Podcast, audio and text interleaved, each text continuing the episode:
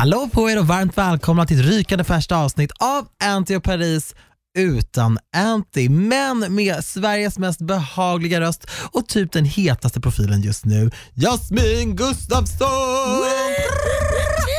Hallå Nej, allesammans! men alltså, den här rösten är som balsam för själen, säg någonting mer. Åh, nej. Oh, eh, in- det är inte en sån podd gumman. nej, men okej. Uh, gud, jag kommer hit och bara, mm, sex. Hur mår du? jag mår jättebra. Hur mår du? Nej, jag mår så bra, äntligen är du här. En applåd för det.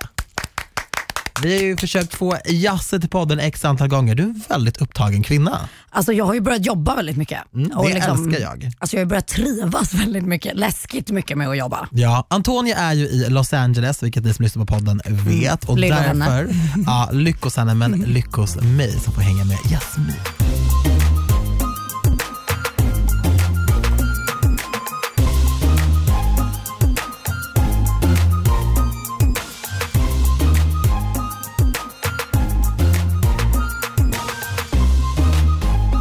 Men alltså, vad finns det något bättre sätt än att liksom spendera en fredag med en av sina närmsta vänner? Och Nej, snacka? nej, och jag är så glad att du är här. Jag är jätteglad över att vara här. För de som har bott under en sten och som inte har koll på vem Jasmin Gustafsson är, Mm. hur skulle du beskriva dig själv?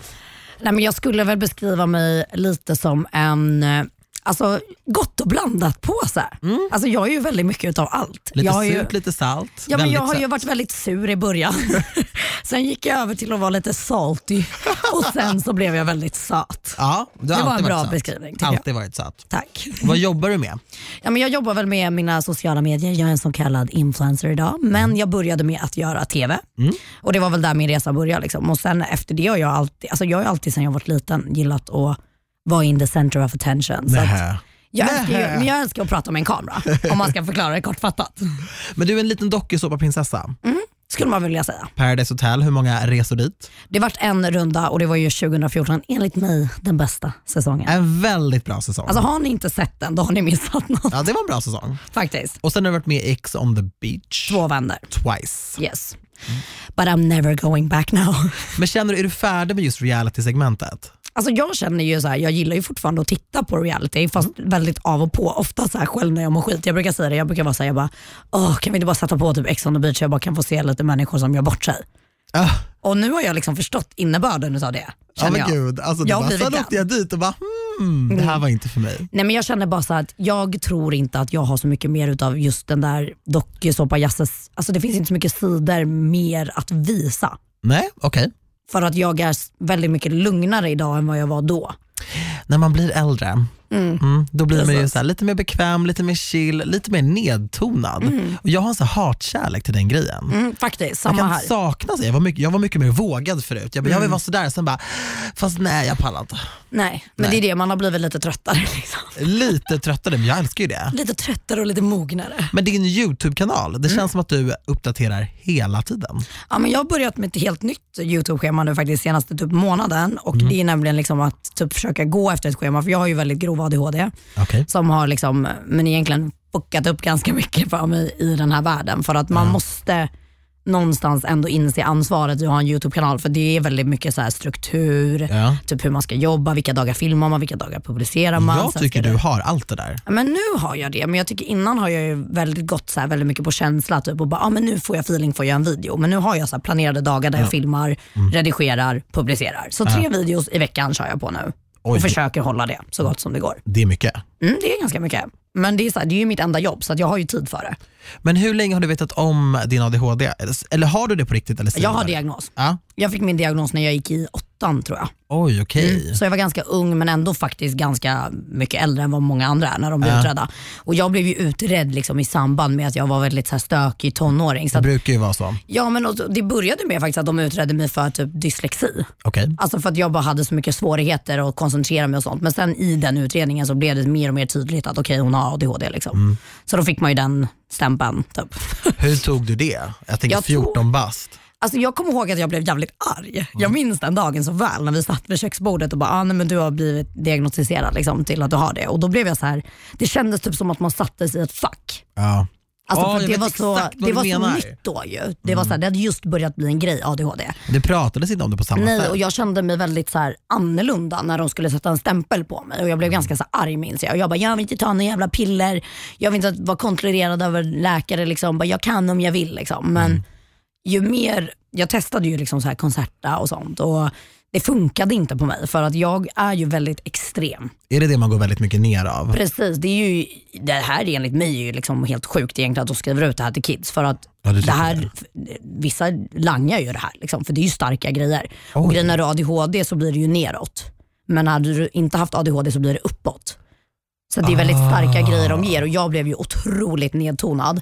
Och jag har ju alltid varit väldigt liten, jag har inte vägt så mycket nå- någonsin. Liksom. Egentligen, jag är ju väldigt kort och det har aldrig varit farligt har läkarna sagt. Det har alltid varit så här, det är lugnt, du är kort. Ja. Så du behöver inte alltså, oroa dig. petit liksom. Men de här pillerna gjorde just att jag inte, alltså jag tog dem liksom strikt åtta på morgonen Mm. och sen gick de ut typ tio på kvällen.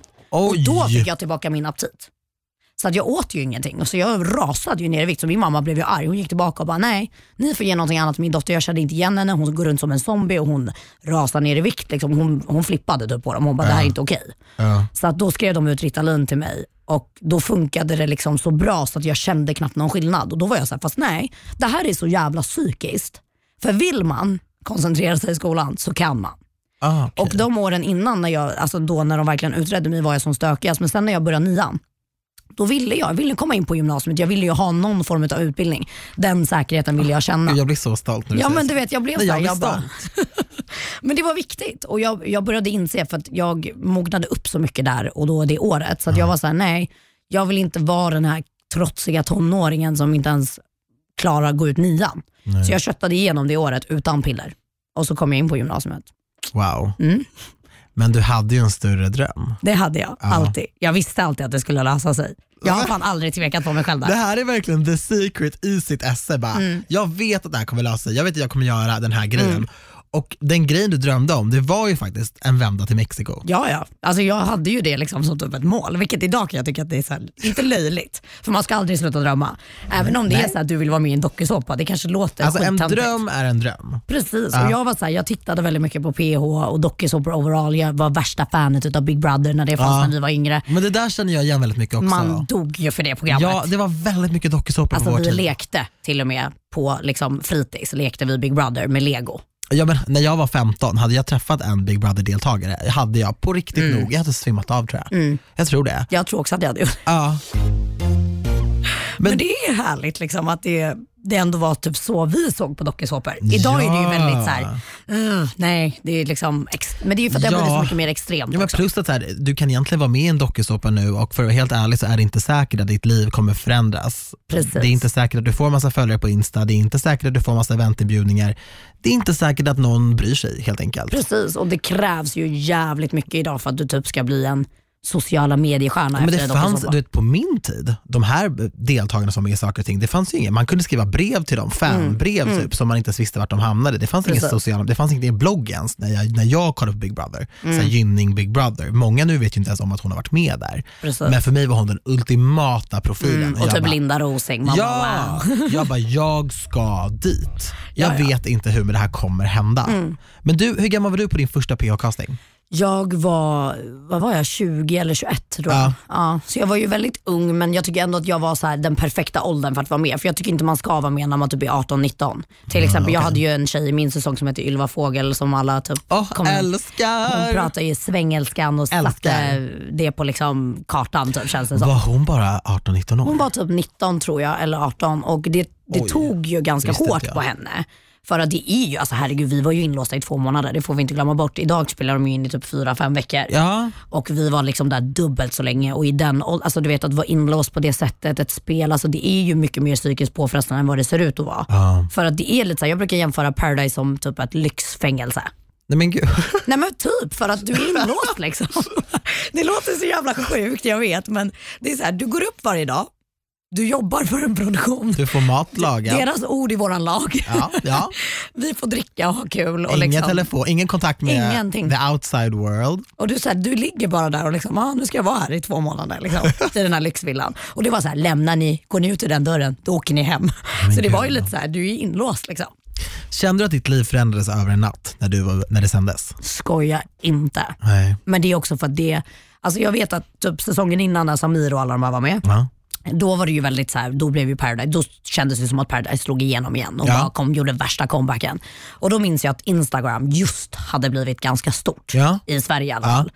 Och jag minns verkligen alltså hur vi bara, alltså jag får typ gåshud när jag pratar om det för att det är så sjuk grej att Men gå det bara från typ, lyser. men du vet man liksom ligger där natten innan och bara, ja, men nu har jag typ 3000 följare. Ja, men det kommer jag ihåg att du Sen när de, de gjorde ju så här typ att de släppte deltagarna lite successivt så här vecka för vecka. Och jag släppte sist kommer jag ihåg och du vet man flög upp till liksom 13 000 följare direkt. Men det är helt sjukt. För att de släppte mig på snapchat, det är ju exakt som jag säger i min dokumentär. Jag bara, det är liksom vad vissa deltagare får idag. Ja. Efter typ tre månader i primetime TV. Ja, men för att man har ju sett så mycket del, alltså man har ju sett så mycket program och så här, oh, oh, oh, det är så mycket och så byter man kanal och så är det en till dokusåpa och nya intressanta människor. Det är så mycket folk nu, man orkar inte följa alla. Nej, men jag tror att det är det som är grejen Ja. också, att fansen och tittarna har blivit så himla kräsna också. Ja. Tror jag, för att det är så här, man, man favoriserar ju folk på sociala medier, men jag följer också människor som gör så här, ah, den här är nice liksom, Ja. och jada jada. Are you talking about me? Yes, Girl. of course honey. I love Daniel. And I love you. Ja, men det finns ingen som du.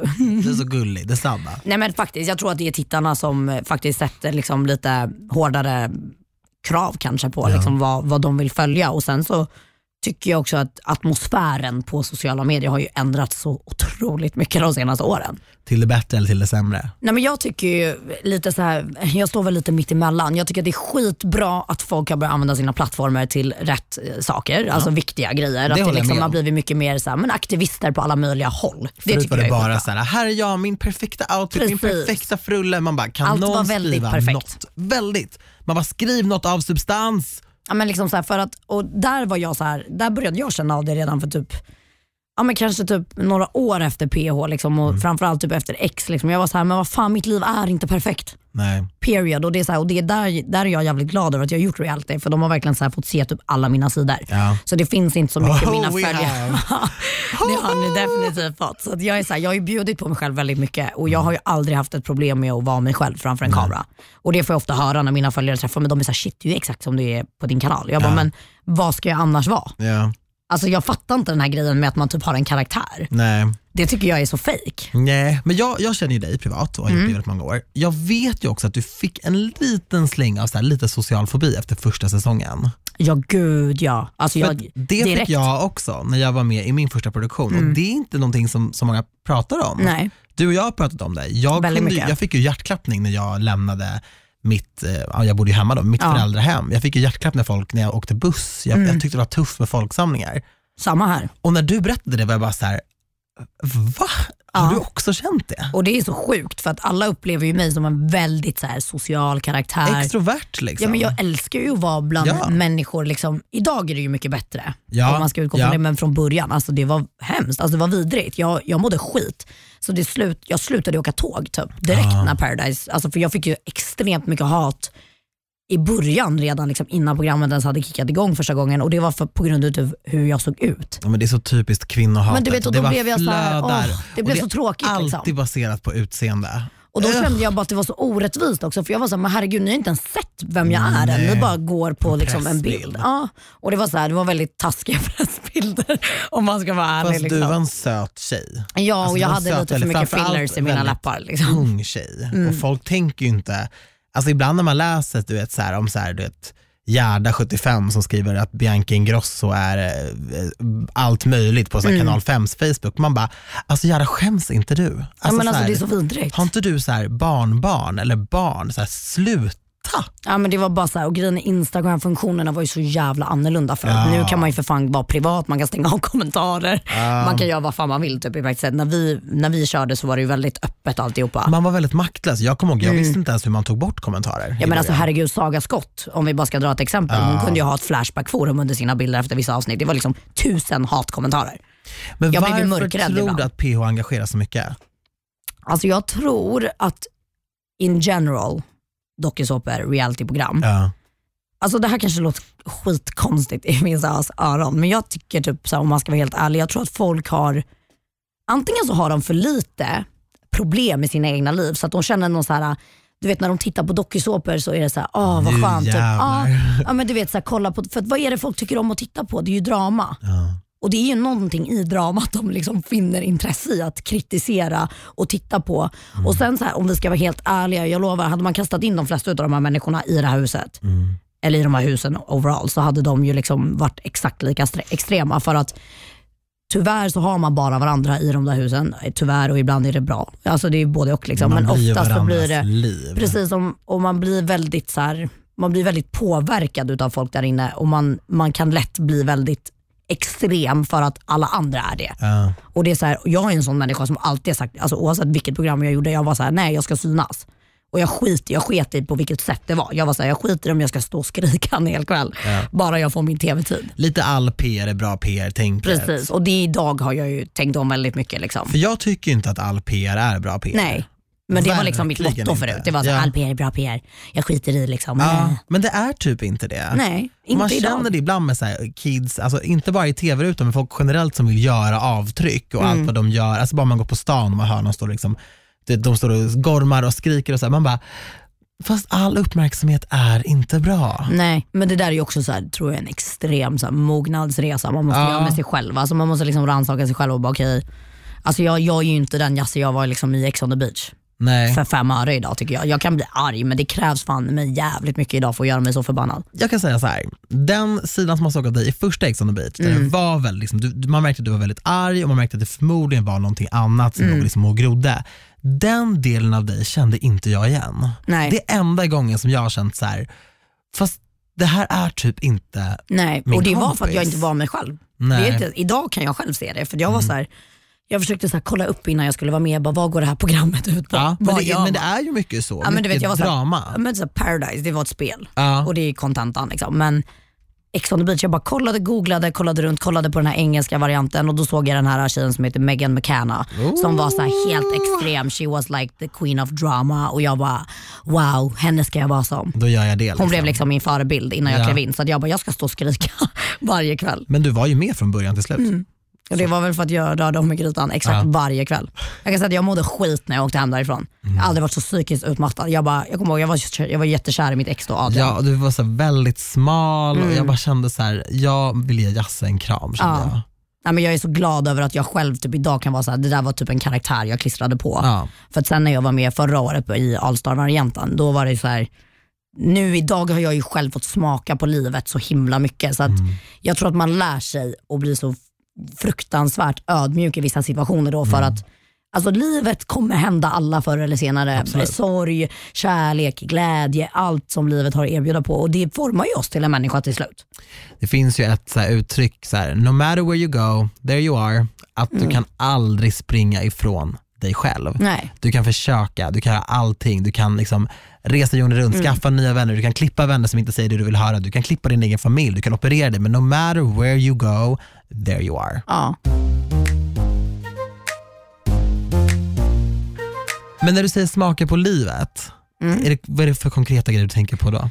Nej men alltså många vet ju, jag har ju delat med mig av alltså, extremt mycket som hände hela förra året. Min pappa gick ju bort, eh, jag blev dumpad. Alltså, det, var så här, det var lite som att allting som var, eh, all säkerhet jag hade och stod på liksom, försvann väldigt fort från, liksom, det var som att någon bara drog bort en matta under dina fötter och så bara var allting borta. Liksom. Så jag har ju verkligen så här, under en väldigt kort tid förra året så förlorade jag väldigt mycket i mitt liv.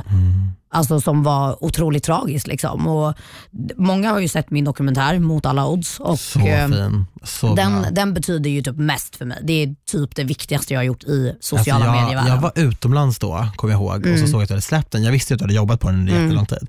Men så såg jag att du hade släppt den och så var jag bara så här, jag ska kolla på det här ikväll när jag kommer hem. Och när jag tittar på den, jag bara, det här var helt, Mm. Helt, den har väl typ så här 800 000 klick. Ja men den har det snart. Så här. Den är uppe så här, över 700 000, 744 000 visningar. Men förstår du vilken fin hyllning det är till din pappa? Ja, jag vet. Alltså, det är ju typ där det var viktigast för mig. Alltså, för grejen att det här är lite kul med min pappa, det är inte så många som vet om det. Men jag ville ju göra min pappa till en karaktär på min kanal. Det var det som Ja, var planen innan han gick bort. did. Ja, men just där, vi reagerade lite på Ex on the beach ihop Ja, och han typ så här var den här klassiska du vet förortspappan som Ja. bara sågade allt och alla och bara stod på min sida. Såklart. Och jag var såhär, pappa jag beter mig faktiskt dåligt nu. Han bara, nej, vadå, vad menar du? du får lov att såga mig. Liksom. Han bara, nej nej nej ingen ska snacka så här till min dotter. Jag bara, okej. Utan pappan har talat. Nej men jag älskar ju honom.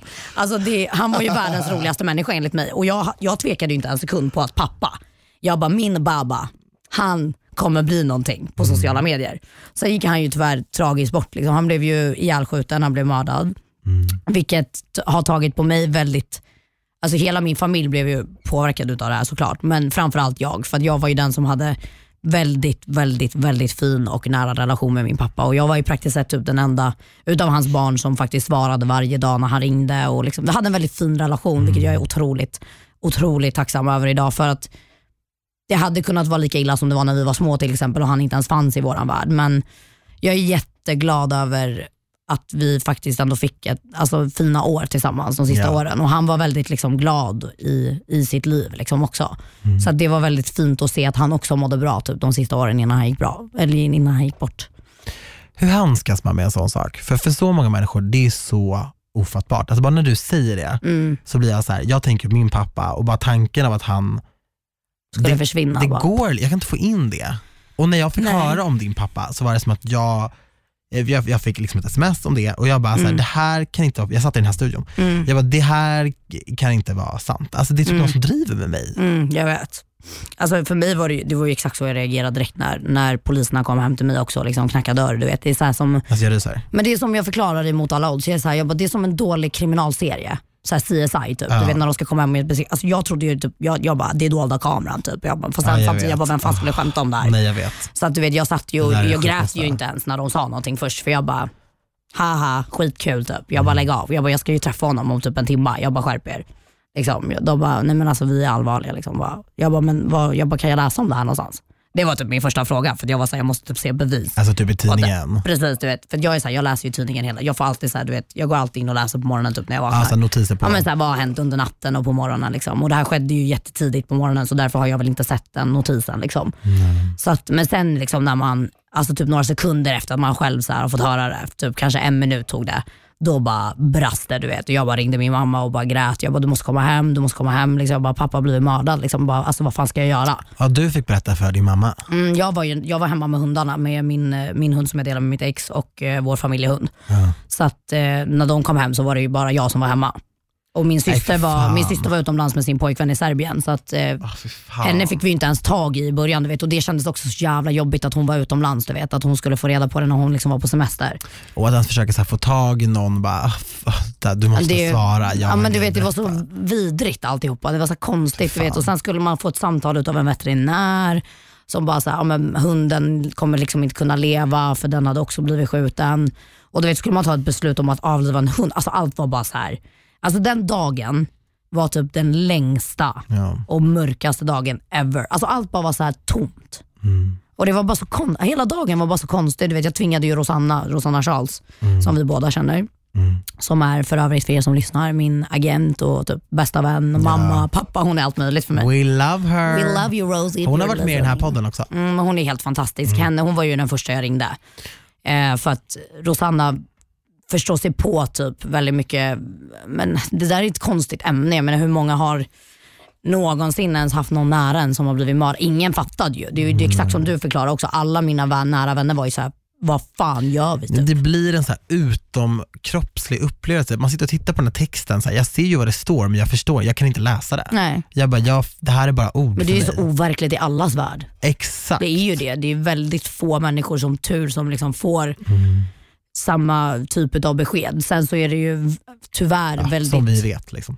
Precis, men jag har ju blivit väldigt inläst. Liksom. Man blir ju så här tyvärr när man liksom går igenom sådana, eller tyvärr, det är bra tycker jag, att man ändå öppnar upp ögonen för problemet. Liksom. Jag har ju blivit väldigt så här insatt i gatuvåldet efter. Mm. Och det händer ju fruktansvärt jävla ofta faktiskt. Ja. Och det är så himla sorgligt för det är så unga människor Mm. som går bort typ varje vecka i praktiskt sett.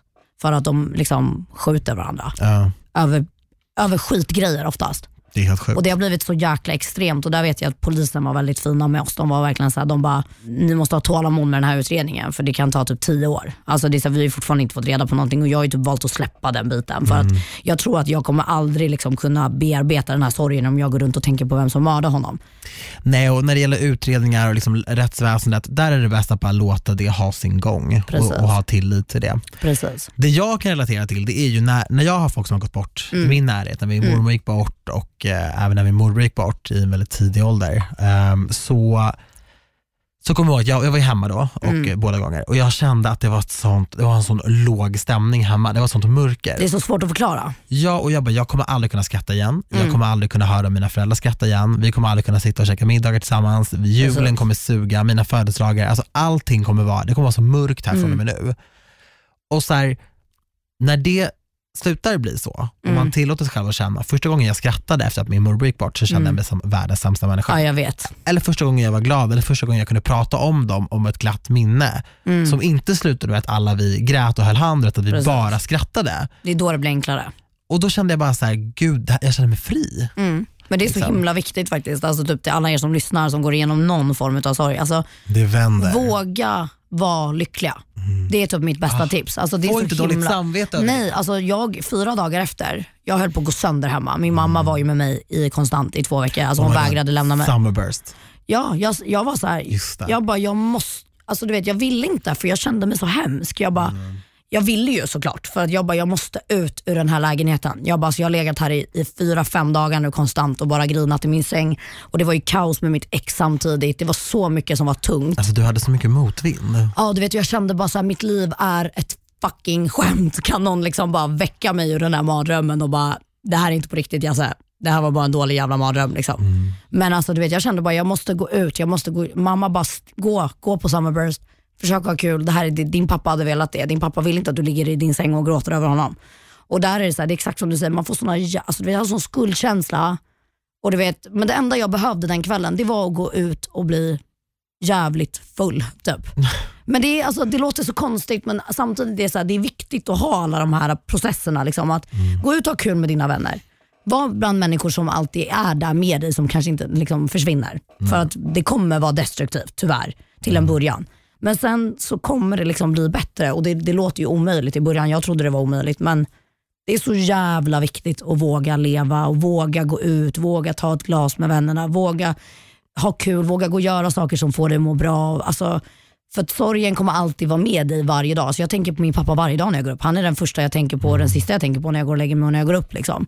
Men det är så här, Det är så fint när du delar med dig när du är vid graven och lägger upp en story och bara så här, Men det är idag var jag här och käkade liksom. lunch. Jag bara, gud, alltså, det, man borde göra mer. man ska normalisera det lite mer tror jag Ja. också. För att många av mina vänner som till exempel har förlorat föräldrar, de är såhär, men gud jag vågar inte ens gå till min eh, pappas eller mammas grav för att jag tycker det känns jobbigt. Jag, bara, men jag var också där i början men jag tvingade dit mig. Jag gick till den där sandhögen och stod och bara, vad fan är det här? Jag bara, så det här känns jättekonstigt. Jag bara, det här vill inte jag vara, liksom, kände jag först till en början.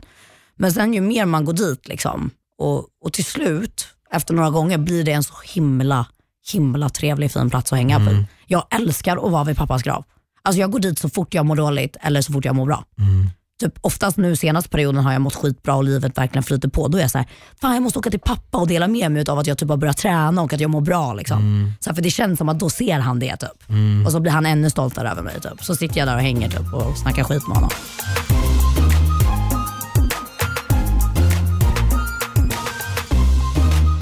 Men annars då, är du kär i någon? Alltså, åh gud. Alltså varför blir jag så här varje gång någon frågar mig så här? Jag är inte kär, det låter som det. Nej, jag, man har inte sett dig med någon på jättelänge nu. Adrian, Nej. har du Adrian någon slags dialog nu? Alltså ja, av och på. Vi har ju fortfarande hunden liksom, men hunden börjar bli lite mer Adrians. För Sai. att jag har, ja precis, Sai, lille Sajen. Jag älskar Sai jättemycket. Sai är inte liten. Nej, han är väldigt stor. han är en pitbullblandning liksom, så han är ganska stor. Men han är världens snällaste, han är ju Ja. mes. Liksom. Han är ju inte läskig alls. Nej, jag har träffat honom massa gånger. Men han har varit väldigt mycket i Göteborg nu den senaste perioden för att jag jobbar ju extremt mycket nu och jag har också satt upp väldigt mycket mål på liksom vad jag vill göra 2020 och eh, just nu är liksom inte mitt liv, alltså jag kan inte ha en hund och inte en hund som Sai för att Jag tycker det är så moget att säga det, för det är så Sai är många krävande, som liksom. inte sköter sina husdjur. Och det, är liksom, det, det hade tärt mer på mig. Så att, Ja. till exempel liksom, nu när Adrian skulle iväg, jag var så här: nej, jag bara, vet du vad, kolla hellre med någon i Göteborg. Jag bara, för att jag kommer inte kunna ge honom det han kräver.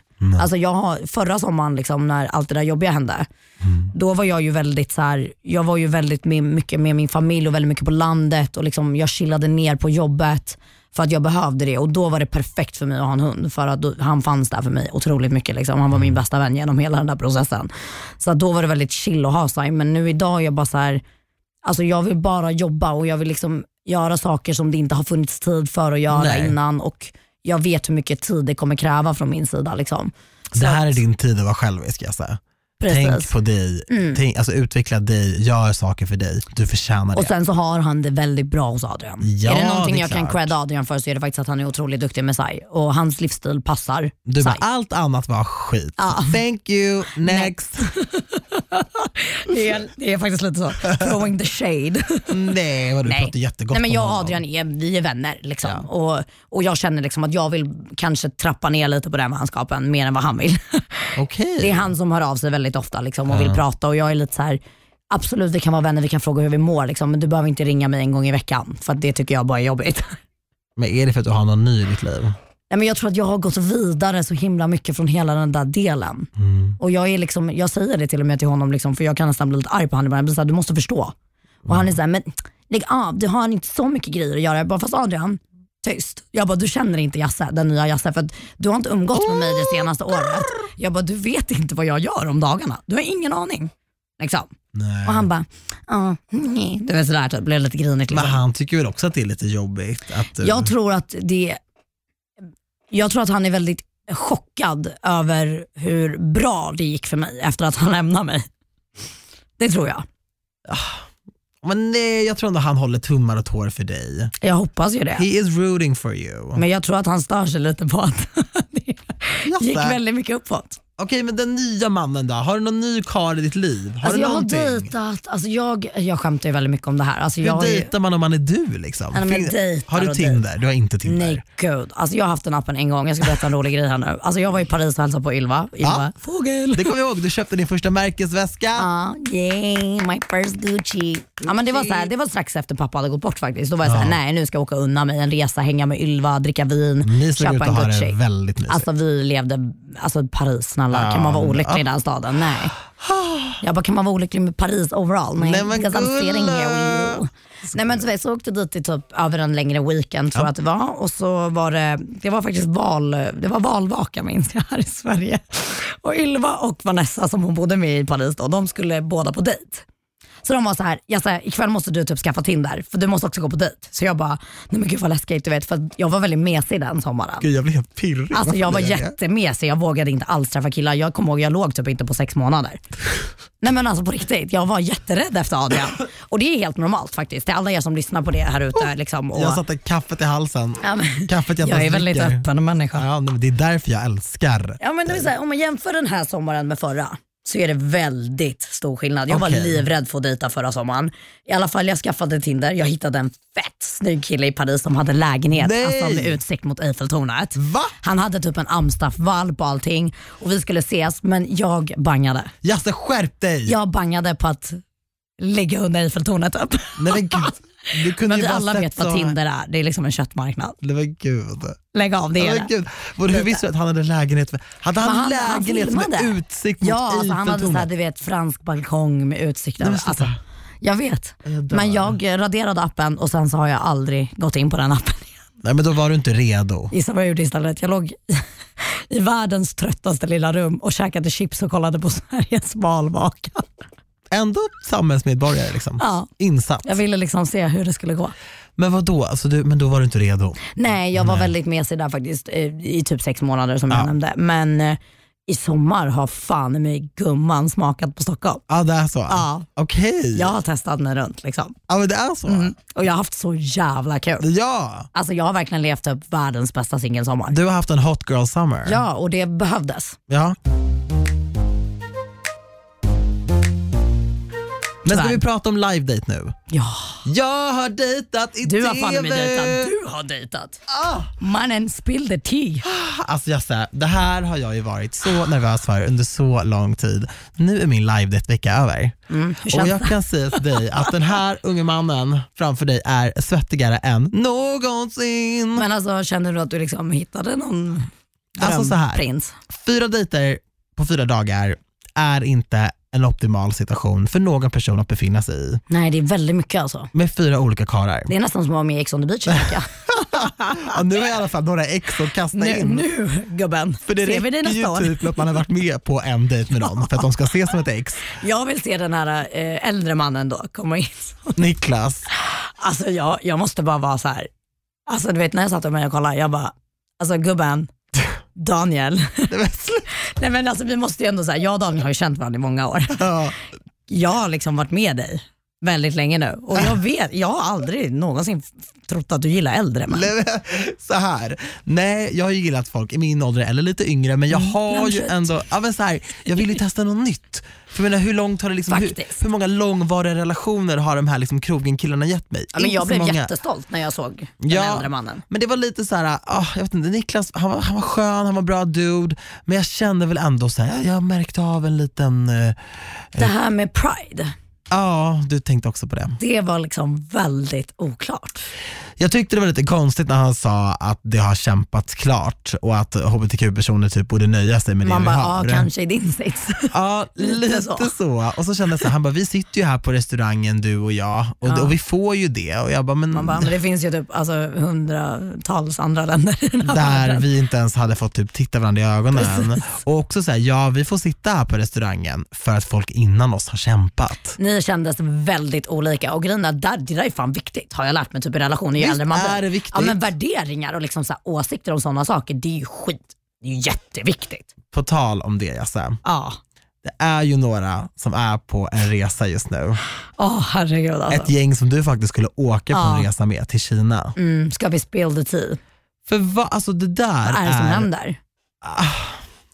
Ja, men alltså faktiskt, jag har varit i så mycket dialoger med vänner fram och tillbaka om det här. För att jag är så här, jag bara fan, jag bara, är jag oskön som typ är upprörd över det här? Jag bara nej det är jag inte. För att Nej. jag valde direkt i alla fall, vi var i alla fall ett gäng som blev medbjudna på en PR-resa till Kina. Och eh, för er som lyssnar och inte har en blekaste aning om vad som händer i Kina just nu. Det här Googla. har påg- Googla, det har i alla fall pågått i flera år. Jag kan med handen på hjärtat säga att jag hade inte heller någon aning för Nej. typ tre veckor sedan Nej. Eller två veckor sedan eller vad det var, en och en halv kanske det var till och med. Mm. Och eh, Jag har ju alltid vetat att Kina är diktatur. Det har jag alltid vetat. Liksom, men jag har inte vetat att det har varit så här illa som Alltså det faktiskt är. staten styr media, Ja. internet. Min, internet. för min kusin pluggade nämligen i Kina för typ eh, två år sedan eller någonting och hon, hon har förklarat lite. Liksom. Men det här som jag fick reda på då utav min bästa vän, jag är så glad att man har vänner runt omkring sig Mm. som faktiskt håller koll på exakt allt som händer i världen.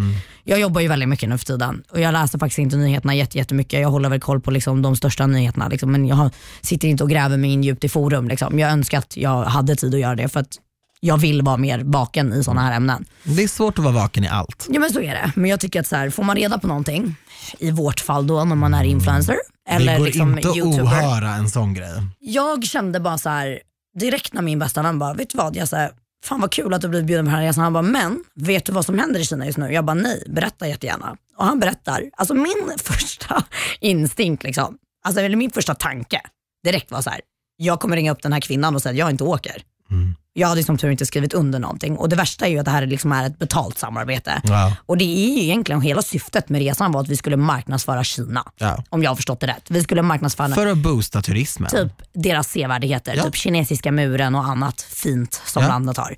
Men Jag har varit på sådana under, resor, inte till diktaturer. Men, men under de här senaste veckorna då i alla fall så har det läckt väldigt mycket videos från Kina där det faktiskt finns koncentrationsläger. Ja, Alltså exakt som vi liksom hade för flera, flera, flera år sedan i. Tyskland. Fruktansvärt. Där, det är alltså olagligt just nu i Kina att vara muslim. Mm. Alltså det är totalt olagligt. Mm. Och De här muslimerna sätts alltså i sådana här läger och blir hjärntvättade utav den kinesiska government. Liksom. Till att deras religion liksom är en bluff typ och att det bara är skit. Alltså, ja. De torteras väl också? Ja, och de, ja, det finns massa, för er som liksom vill läsa på om det här så Ja. finns det jättemycket bra sidor som skriver om det. Det finns liksom, ja, till exempel typ våra vänner på Provoke PR skrev ut ett jättebra inlägg om det här häromdagen på svenska för er som är intresserade. På Liksom. deras Instagram. För jag tycker att det här är värt att liksom faktiskt skjuta ut, alltså så här, prata om. Alltså jag blev så Mm. jävla upprörd när jag hörde det här. Så jag bara, för första gången i hela mitt liv så kände jag mig liksom så här, jag bara, jag måste göra någonting. Jag, bara, jag, And you så, got the power. jag blev så frustrerad och jag sa det här till mina vänner då som tyvärr hade skrivit under kontraktet. Jag sa till dem, jag bara, ni kan inte åka på det här. Jag bara, så ni kan inte göra det här. Jag bara, jag har pratat med er nu, jag har gett er information och deras svar var inte okej tycker jag. Nej. Deras argument var liksom, jag vill se kinesiska muren. Jag bara, men sluta upp med de här argumenten och se för fan vad som händer på riktigt. Men känner du då för dig, för det vi pratade om Mm. när, jag, när jag och Niklas hade den här dejten och han berättade att Pride, eh, man ska sluta kämpa och sådär. Då kände ju jag en otrolig distans till honom. Även fast vi hade haft en ganska trevlig dejt, för det här sa Mm. Ja. han efter typ två timmar. Mm. Och jag satt ju med honom efter också, vi Ja. satt i nästan tre timmar. Men, men jag var väldigt tydlig med att så här, jag håller inte med. Mm. Och så, men, Så känner jag med. men tyvärr så har ju det, jag vill ju kanske inte, inte ha en andra dejt med honom. Nej. Och det där tror jag är, verkligen är så här typ, För Självklart kan säger jag alla- för mycket nu om jag säger att du ändå hade en liten fnurra på tråden med en av dem som har åkt? ja. Alltså jag kan säga att jag, eh, ja, men jag det är som du förklarar. Mm. Jag tappade väldigt så Du här. gjorde det? Och jag sa det också när vi pratade i telefon. Jag bara, vet ni vad? Jag är så jävla besviken på er. Ja, okej. Er reaktion var inte alls som jag hade förväntat mig. Nej. Och jag bara, ni ska veta att jag är alltså genuint besviken. Mm. Jag bara, ni gör exakt vad ni vill men jag är jättebesviken. Mm. För att min första instinkt var liksom inte så här att tänk, inte tänka som en influencer eller en youtuber eller en offentlig människa. Min, precis, min första känsla i kroppen var, vad fan står jag för som människa? Vad, bri- alltså, vad känner mitt hjärta? Och jag fick Gud, ont i hjärtat. Jag blir så stolt, för Jasse, sådana här situationer som du ställdes inför nu, du är Mm. några år yngre än mig, jag har också haft mitt sånt där wake-up call, Mm. eh, när man bara vaknar till och bara, Nej, det är nu liksom. jag inser att jag är inte en del utav jag vill inte tänka i grupp, jag vill tänka som mig. Precis. Det här är jag, det här tycker jag, det här står jag för. Jag Ja. kommer inte att be om ursäkt för det och jag, så här är det bara. Mm. Och sen framförallt liksom när det finns så jäkla mycket fakta och Ja. liksom så här bevis. Ja, Och jag kände så här, där ställer man sig endast, endast, endast som medmänniska för vad man själv står för. ja. Nej, och det där kände jag, det där, jag bara, det, det fanns inte en kroppsdel i mig som sa så här, "Åh, jag vill åka. Nej. Fuck de pengarna. Nej, jag håller med. Alltså, det och finns inga pengar i världen. Skäms Kina, skäms. Ja, och skäms på er influencers som faktiskt åkte iväg på den här PR-resan. Såg du dag två av min dejt? Ja, Vad tyckte du? Spontant. Jag kände lite mer vänskap. Jag kände också det. Jag tror Han såhär, var ni två kan ta en drink. Liksom. Alltså han var så trevlig. Simon var en så trevlig dude, han var skön och han hade så här, ja, men vi pratade liv, vi bombade om studentlivet och så här, han var ver- verkligen rolig. Mm, jag bröt ju den dejten lite tidigare, även om det inte kändes så riktigt. Jag tyckte vi hade så pratat bra, haft ett bra första samtal och sådär. Eh, och han sa att han gärna ses igen och sådär. Men, eh, men jag tror också att det blir mer som vänner. Han Ja. kände att jag skulle kunna hänga med som kompis. Är det någonting jag faktiskt garvade åt väldigt, väldigt mycket så är det avslutet. High five. Ja, ja och typ det här med drinken. Liksom. När du verkligen bara, ja jag tror att det är dags att avrunda. Nej men gud, det är så många som har Alltså, sagt om det. Nej, men det var så jävla roligt för det är så här, du kan aldrig vara typ så här, du hade aldrig kunnat vara lite så här dryg. Måste. Nej. Du måste bara vara så här trevlig i liksom Nej, men jag vill inte vara taskig. Nej jag vet, jag tycker det är det som är så himla fint med dig Daniel, för du är verkligen alltid snäll. Nej, men för jag kände att vi hade ändå käkat vår mat. Ja, men du vet, vi som känner dig, så här, vi garvade ju direkt när Ja, vi jag såg det. Jag bara wow det här var så kul för att han vill bara avrunda och gå hem och sova typ. Det är så många som Farbror. Daniel kom fram där. Ja, Jag ville bara sova och han ville typ gå vidare och ta en drink någonstans. Jag bara, men vi sitter ju här och har suttit men du går ju inte ut och dricker mitt i vardagen heller så det var lite Nej. fel människa att fråga Jag var såhär, vadå gå iväg och ta en drink? Så det är jag, bara, alltså, jag, är, jag är inte 18. Jag Nej. på tisdagar. Jag är 30 plus mannen. Mannen, det är inga lillördagar längre. Nej, men han var kompis och sen träffade jag ju den här otroligt trevliga killen som jobbade som flygvärdinna. Ja, den kollade jag faktiskt lite på igår. Ja, supergullig kille. Men han var så nervös. Jag fattade att inte jag det. blev nervös. Jag fattade inte det förrän ett tag in i dejten. Alltså jag fick ju panik utav att titta på honom för att jag bara shit kan han bara la- slappna av, kan han typ ta en shot? Så Jag kände kände, jag. hans nerver lite grann. Mm. Ehm, jag, efter ett tag gjorde jag det och jag, jag, när det blev tyst så blev jag supernervös. Ja jag vet för jag Ja. hörde det på dig. Det blev verkligen här, ehm, ja men eh, hobby då? Du vet, så här, för att det blev verkligen, och det är ju inte ett bra tecken. Som att jag på hade en dejt. checklista i mitt huvud. Precis, du var såhär, okej hur håller jag igång samtalet? Ja. Och det är ju inte heller en jättebra dejt. då, enligt mig. Nej! Det, han var jättetrevlig och fin och Så sådär. gullig. Men det ska liksom bara flyta på om det är en bra dejt ju. ja, och jag känner Typ så här, som nu när vi sitter, det ska bara vara så här. Exakt. Det ska exakt. vara som att du sitter med din bästa vän och bara snackar skit. Jag ville att isen skulle ha brutit snabbare, men sen Mm. tänker jag också, han är 22.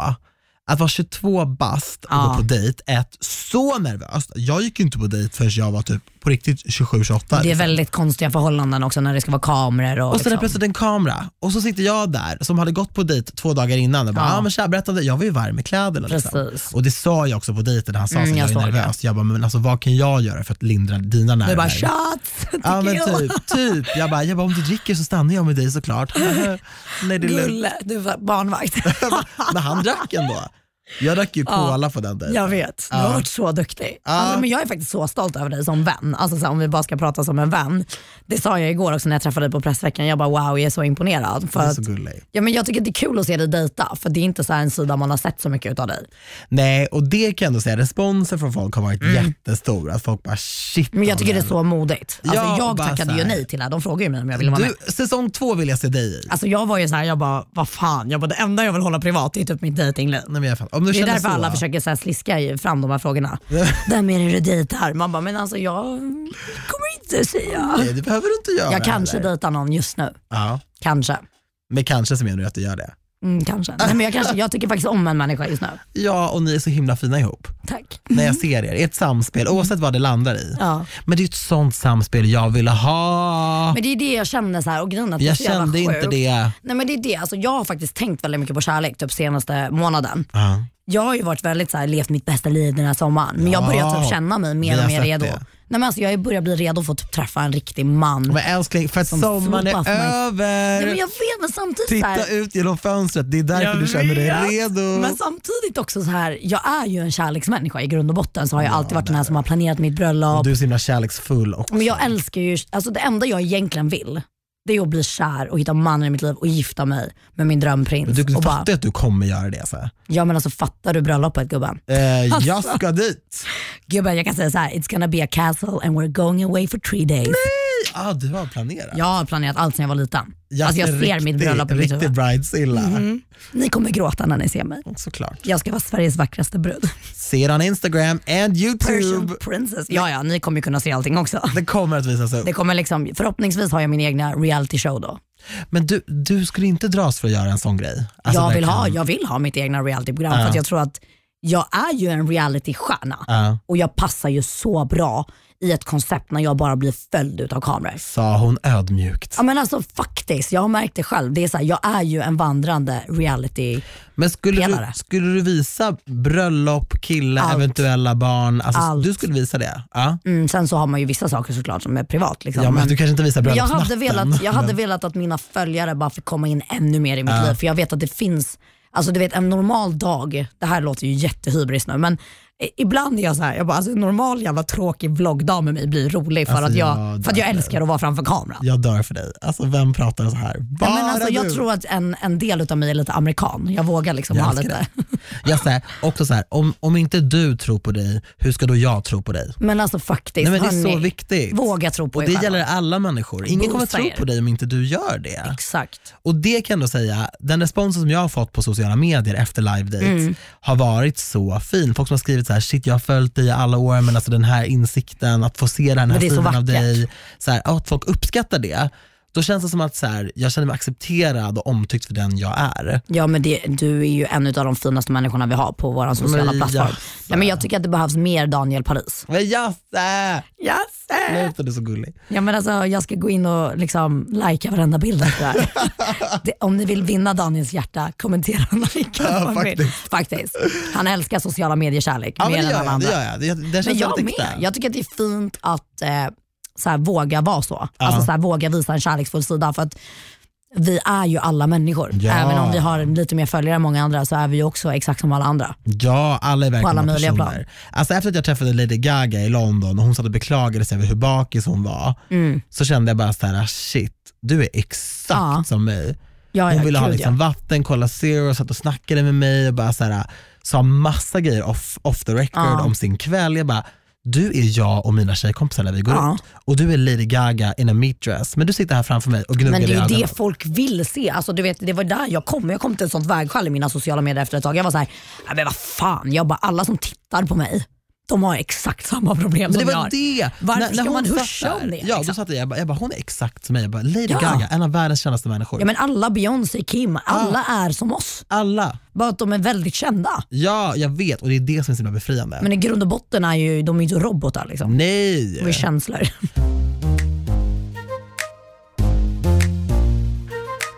Vad tyckte du om min fjärde dejt?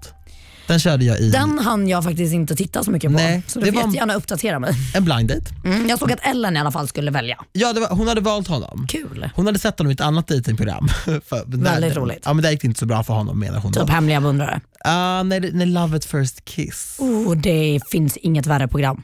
Jag gillar ju typ det. Men det är så cringe. Ja, men det är det ju. Alltså det är ju jobbigt att titta på det där. Det är därför man det är liksom kollar. ett vitt rum och man hör typ smasket när men de alltså, kysser varandra. han har varit med där.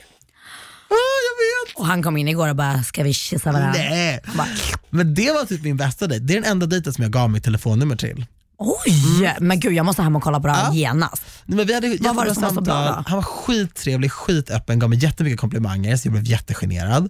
Mm, Du är som mig, du gillar att få uppmärksamhet. Ja fast när han gav, jag, komplimanger så har jag typ aldrig fått. Alltså för mitt så utseende. Vadå, vad sa han typ? Nej men typ, alltså, Gud, han, vad intressant. Nej, men han, typ, han typ sa att jag var vacker. Men gud! Jag vet, jag, bara, jag sa det till honom till slut, typ, efter hans fjärde komplimang och jag blev så här, tomatröd i ansiktet, jag bara yo dude, alltså, du måste chilla med romantiken. charmigt. Men det är fint Daniel, hallå det där är fett kul. Alltså, jag tycker det här är skitroligt att höra för att Ja. det där tycker jag är så jävla underskattat i många relationer. Alltså, om ni har en partner, säg till dem att de är vackra, fina. Alltså, du vet, jag minns det i min förra relation, det är så här, jag fick typ aldrig höra det. Man kände sig för fan jätteouppskattad då. Du Och fick det där är aldrig höra det? Så, inte så ofta. Nej. Och det, det är jättejobbigt. Alltså jag vill ju vara med en kille som boostar mig, typ, Mm. och gärna varje dag. Liksom, bara, du är den vackraste kvinnan i mitt liv. Jag är en sån som vill höra det. Det är Liksom. så osvenskt, jag tror att det är det. Ja det är det, tyvärr. Därför så vet jag att om jag träffar en man, det kommer inte vara en 100% svenne. Tror du inte? Nej, vi har märkt det. Jag menar när jag var med Adrian, alltså jag fick blommor tre gånger på tre år. Det var typ min födelsedag. Alltså, alltså, Eller när han hade gjort bort sig. Du har lite att lösa med Adrian. Nej men jag, jag vet bara att det var jag, jag har ett exemplar på en dålig relation som jag aldrig ska gå tillbaka till. Ja, nej. Jag har ingenting med bara han att göra som människa, det är ju relationen i sig. Det var ju fel på mig också. Jag respekterar det. Men bara så här, uppvakta, det är skitfint men det är ovanligt och det är därför du blir obekväm och det är Ja. inte bra. Du ska ta in det och bara yes I'm beautiful. alltså det där är det bästa man kan få höra ju. Nej, men så jag gav honom mitt nummer också. i alla fall jag, och kände så här, fan vi tar det här vidare. Ska han bor ta i Göteborg. Han bor i Göteborg. Åh det är någonting med göteborgare. Ja, men det var det jag sa. Alltså de är så jävla charmiga. Mm. Men vad fan, Om det är någon sexig göteborgare som lyssnar på det här, slide in i våra DMs. Ja men faktiskt, vi älskar er. Vi älskar er redan nu. men det är någonting med den där jäkla dialekten. ja. Alltså det är så sexigt. Nej men och vadå, distansgrejer funkar ju. Det, vi lever ju i en väldigt modern tid. Jag bara, Ja, just det. Just nej det. men jag skojar, älskar man varandra så funkar det ju. Alltså, har man en sund fin relation där man litar på varandra då kan man överleva vad som helst i världen. Wow, 100 procent. gud vilka bra ord. Nej men det är ju sant. Alltså, älskar man varandra och inte ens tvivlar på varandra, då skulle ni kunna vara liksom, du hade kunnat vara i USA och han hade kunnat vara någon helt annanstans. Tror jag. Ja, hörni, med de fina orden så ska jag faktiskt avsluta veckans podcast. Tusen tack Jasmin för att du kom hit. Tack. Jag kommer Alltså- jättegärna tillbaka. Ja men du ska tillbaka, Ja. det bara givet. Hörni, som alltid så blir jag jätteglad när ni delar vår podcast i sociala medier. Alltså tack för att du kom. Mm. Tusen tack. Ja, och nu kommer vi ha ett litet uppehåll också som ni vet medan Antonia är i LA. Men vi är tillbaka snart. Uh, Du måste säga puss och hångel. puss och hångel. Du sa det precis lika bra som Antonia. Då!